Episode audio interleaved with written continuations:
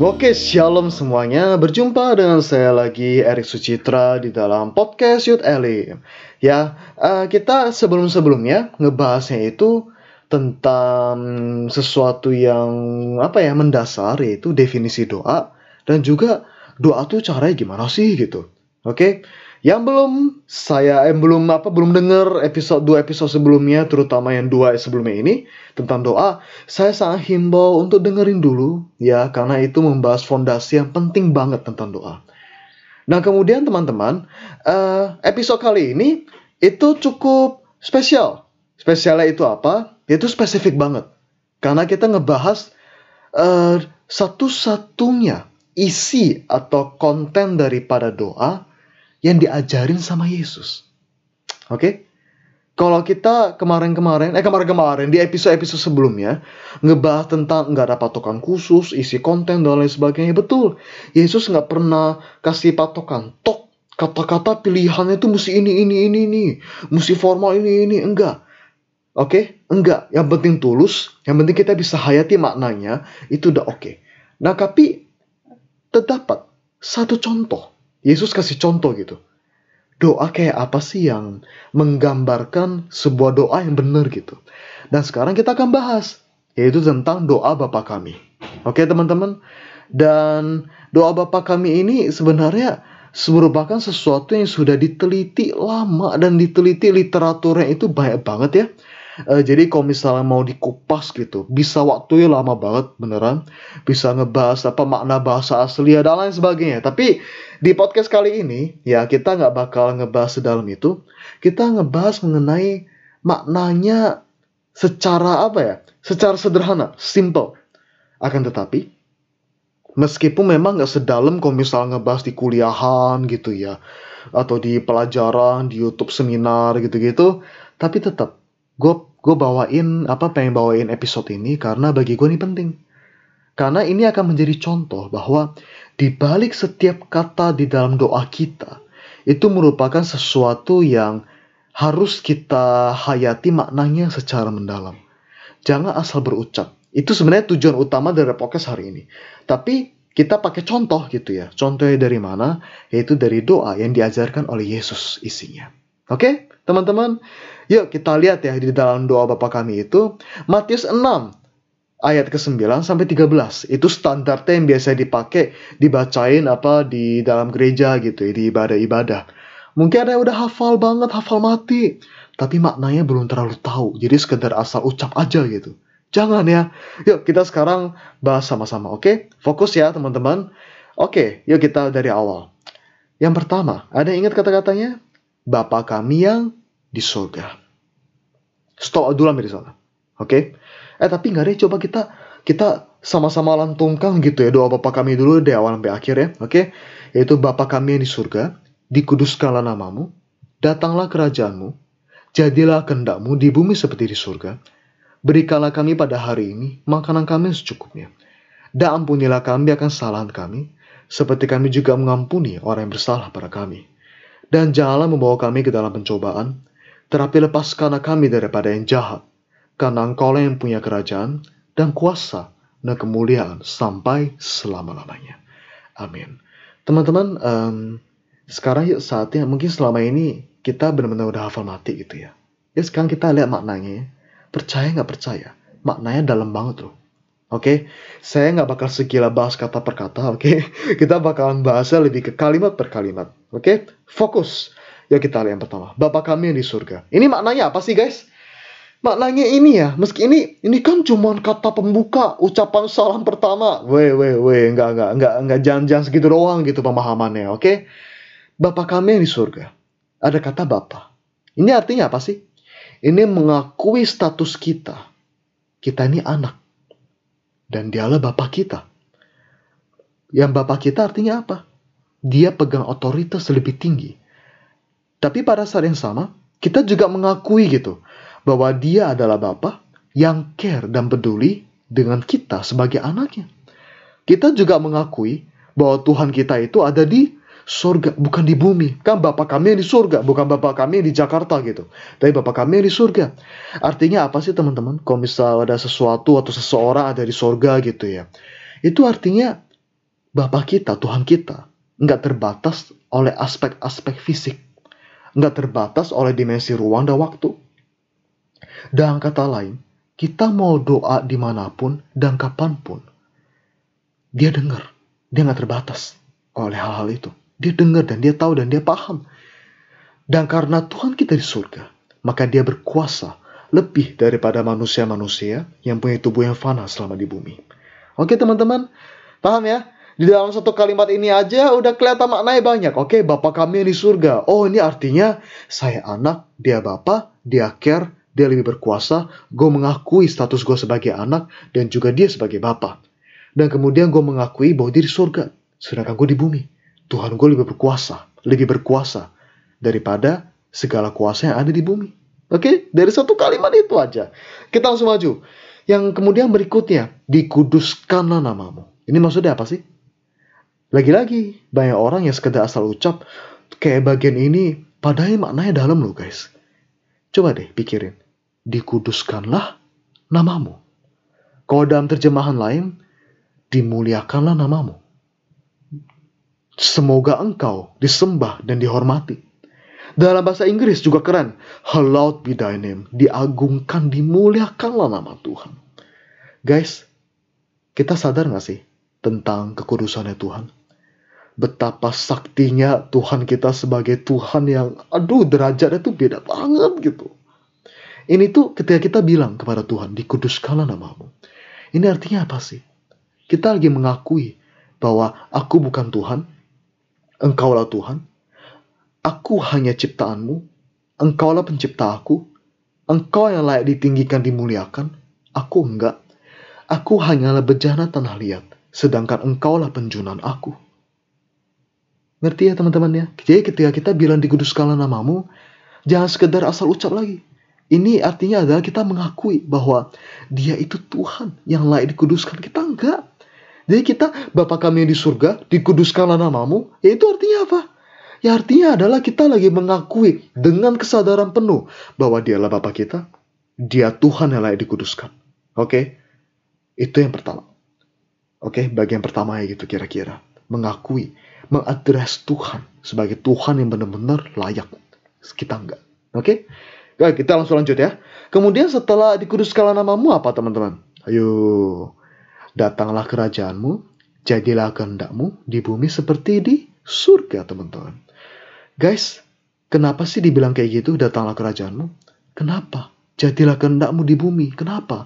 Karena, kok kata Rick Warren, because God's will is rarely done on earth. Karena kehendak Tuhan itu nggak selalu terjadi di dunia, di bumi ini. Guys, sejak ada dosa, rancangan awal Tuhan yang mulia, yang perfect tentang dunia ini, tentang kita, itu dari yang sempurna jadi nggak sempurna. Apa lu kira sakit penyakit, hubungannya hancur, broken home, kejahatan di mana-mana, peperangan, kebencian, keegoisan manusia yang saling mengambil, saling merebut, tinggi hati, kesombongan, nyakitin, pengkhianatan dan lain sebagainya. Itu isi hati Tuhan, itu kehendak Tuhan? Enggak. Enggak. Alkitab juga udah bilang, semua yang baik datangnya dari Tuhan. Oke? Okay? Yang gak baik itu bukan dari Tuhan. Tapi memang intinya adalah meskipun hal nggak baik terjadi, tetap diizinkan Tuhan.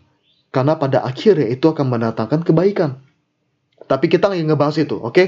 Intinya adalah segala sesuatu yang terjadi di dunia itu itu tuh nggak semuanya baik, nggak semuanya positif, nggak semuanya bikin kita happy, bener nggak? Iya, benar gitu loh. Karena memang kehendak Tuhan nggak selalu terjadi sejak sejak adanya dosa gitu. Makanya kita kita lagi ngomong kayak gitu. Ini kita lagi mohon ke Tuhan. Tuhan, tolong. Please. Please Tuhan, jadilah kehendakmu. Pakai aku sebagai anakmu. Untuk aku bisa menggedapi rencanamu. Untuk bisa kehendak Tuhan terjadi di bumi dalam hidup aku. Selama aku masih ada di bumi. Oke? Okay? Kemudian pesan lainnya apa sih? Bukan kehendak aku Tuhan. Tapi kehendakmu. Di dalam hidup aku. Seperti di surga. Berarti ketika kita lagi bilang kalimat ini, kita lagi mengakui bahwa Tuhan hidup ini bukan tentang aku, tapi tentang Tuhan. Kehendak mulai yang jadi, bukan kehendak aku yang terjadi di bumi. Oke okay, guys? Wow, udah dalam ya teman-teman ya. Oke kita lanjut ya supaya nggak kelamaan gitu ya. Berikutnya, berikanlah kami pada hari ini makanan kami yang secukupnya. Guys, berikanlah. Artinya apa? Kita mengakui bahwa Tuhan yang ngasih, bukan kita. Segala yang kita dapat selama kita masih hidup, itu bukan dari kita sendiri tapi dari Tuhan. Ada sosok pemberi, ada figur, ada seorang pribadi yang memberikannya kepada kita. Tanpa ada sosok itu yang memberikannya, kita nggak bakal dapat. Oke, okay? apalagi dikatakan apa? Secukupnya.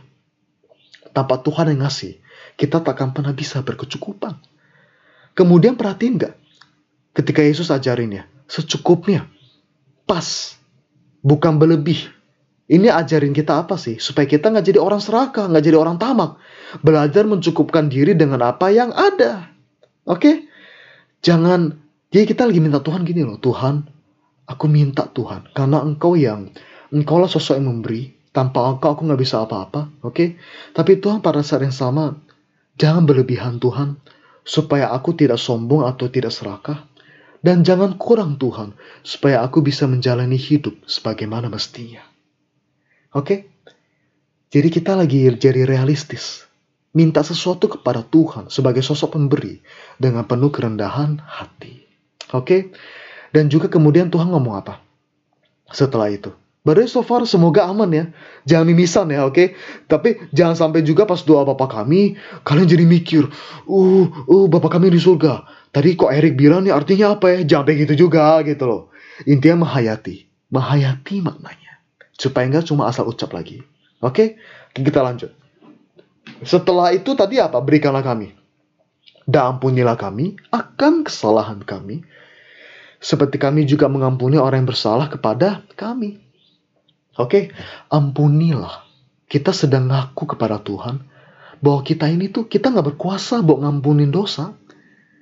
Kita nggak berkuasa untuk menghapus dosa kesalahan kita gitu loh. Cuma Tuhan yang bisa. Kita lebih mengakui gitu.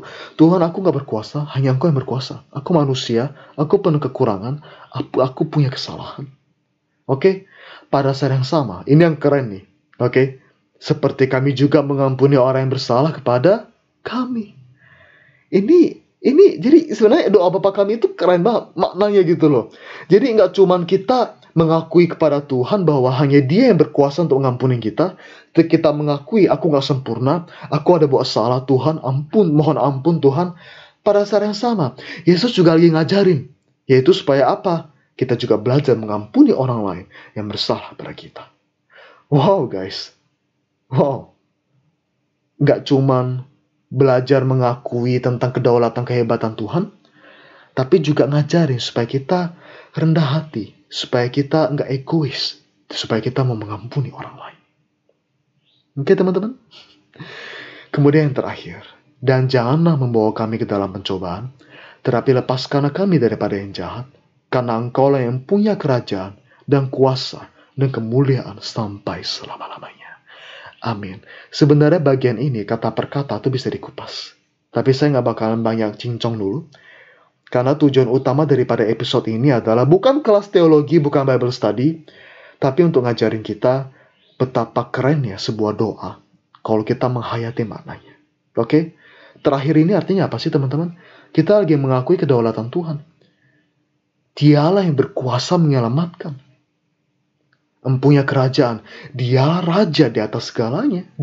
Di dalam kerajaan posisi tertinggi apa? Ya raja. Yang punya kerajaan siapa? Ya raja gitu. Ya kita mengakui. Gitu loh. Tuhan engkau yang memegang kuasa penuh atas hidup saya. Dan kemudian kita bilang apa? Kemuliaan sampai selama-lamanya. Tuhan engkau lah yang layak dimuliakan. Keren ya guys ya. Ya. Jadi ketika kita ada doa Bapa kami, entah itu pribadi, entah itu di dalam ibadah umum gitu ya. Jangan cuma asal ngomong bla bla bla bla bla bla bla bla bla nya nya nya gitu. Jangan gitu lagi. Ya. Dihayati. Benar-benar dihayati. Penuh kerendahan hati, mengakui Tuhan adalah Tuhan dan kita bukanlah Tuhan, kita adalah ciptaannya dan mengakui bahwa Dia yang berkuasa dan berdaulat atas segala aspek hidup kita. Oke, teman-teman. Yuk kita doa. Untuk sebagai penutup podcast ini, oke? Okay? Tuhan, terima kasih Engkau mengingatkan kami kembali, Tuhan, mengenai pentingnya menghayati kata-kata yang kami ucapkan di dalam doa kami, Tuhan. Tuhan, ampun, ampuni, maafin kami, Tuhan, maafin aku. Kalau aku kadang doa, tapi sekedar asal ucap aja, Tuhan. Kayak nggak ada maknanya kata-kata kosong, Tuhan, ampuni, Tuhan. Biarlah Tuhan melalui doa yang kau ajarkan kepada kita, kepada kami, Tuhan kami bisa kembali diingatkan tentang pentingnya menghayati dengan penuh ketulusan, yaitu makna dari setiap kata yang kami ucapkan di hadapan Tuhan. Terima kasih Tuhan atas reminder yang sangat baik ini. Biarlah Tuhan kami bisa berdoa, memanfaatkan kesem setiap kesempatan berdoa dengan penuh penghayatan Tuhan. Kami mau dekat sama Engkau Tuhan. Kami anakmu dan Engkau lah Bapa kami. Kami adalah ciptaanmu, Engkau lah mencipta kami. Thank you Tuhan buat segalanya. Di dalam nama Yesus. Amin.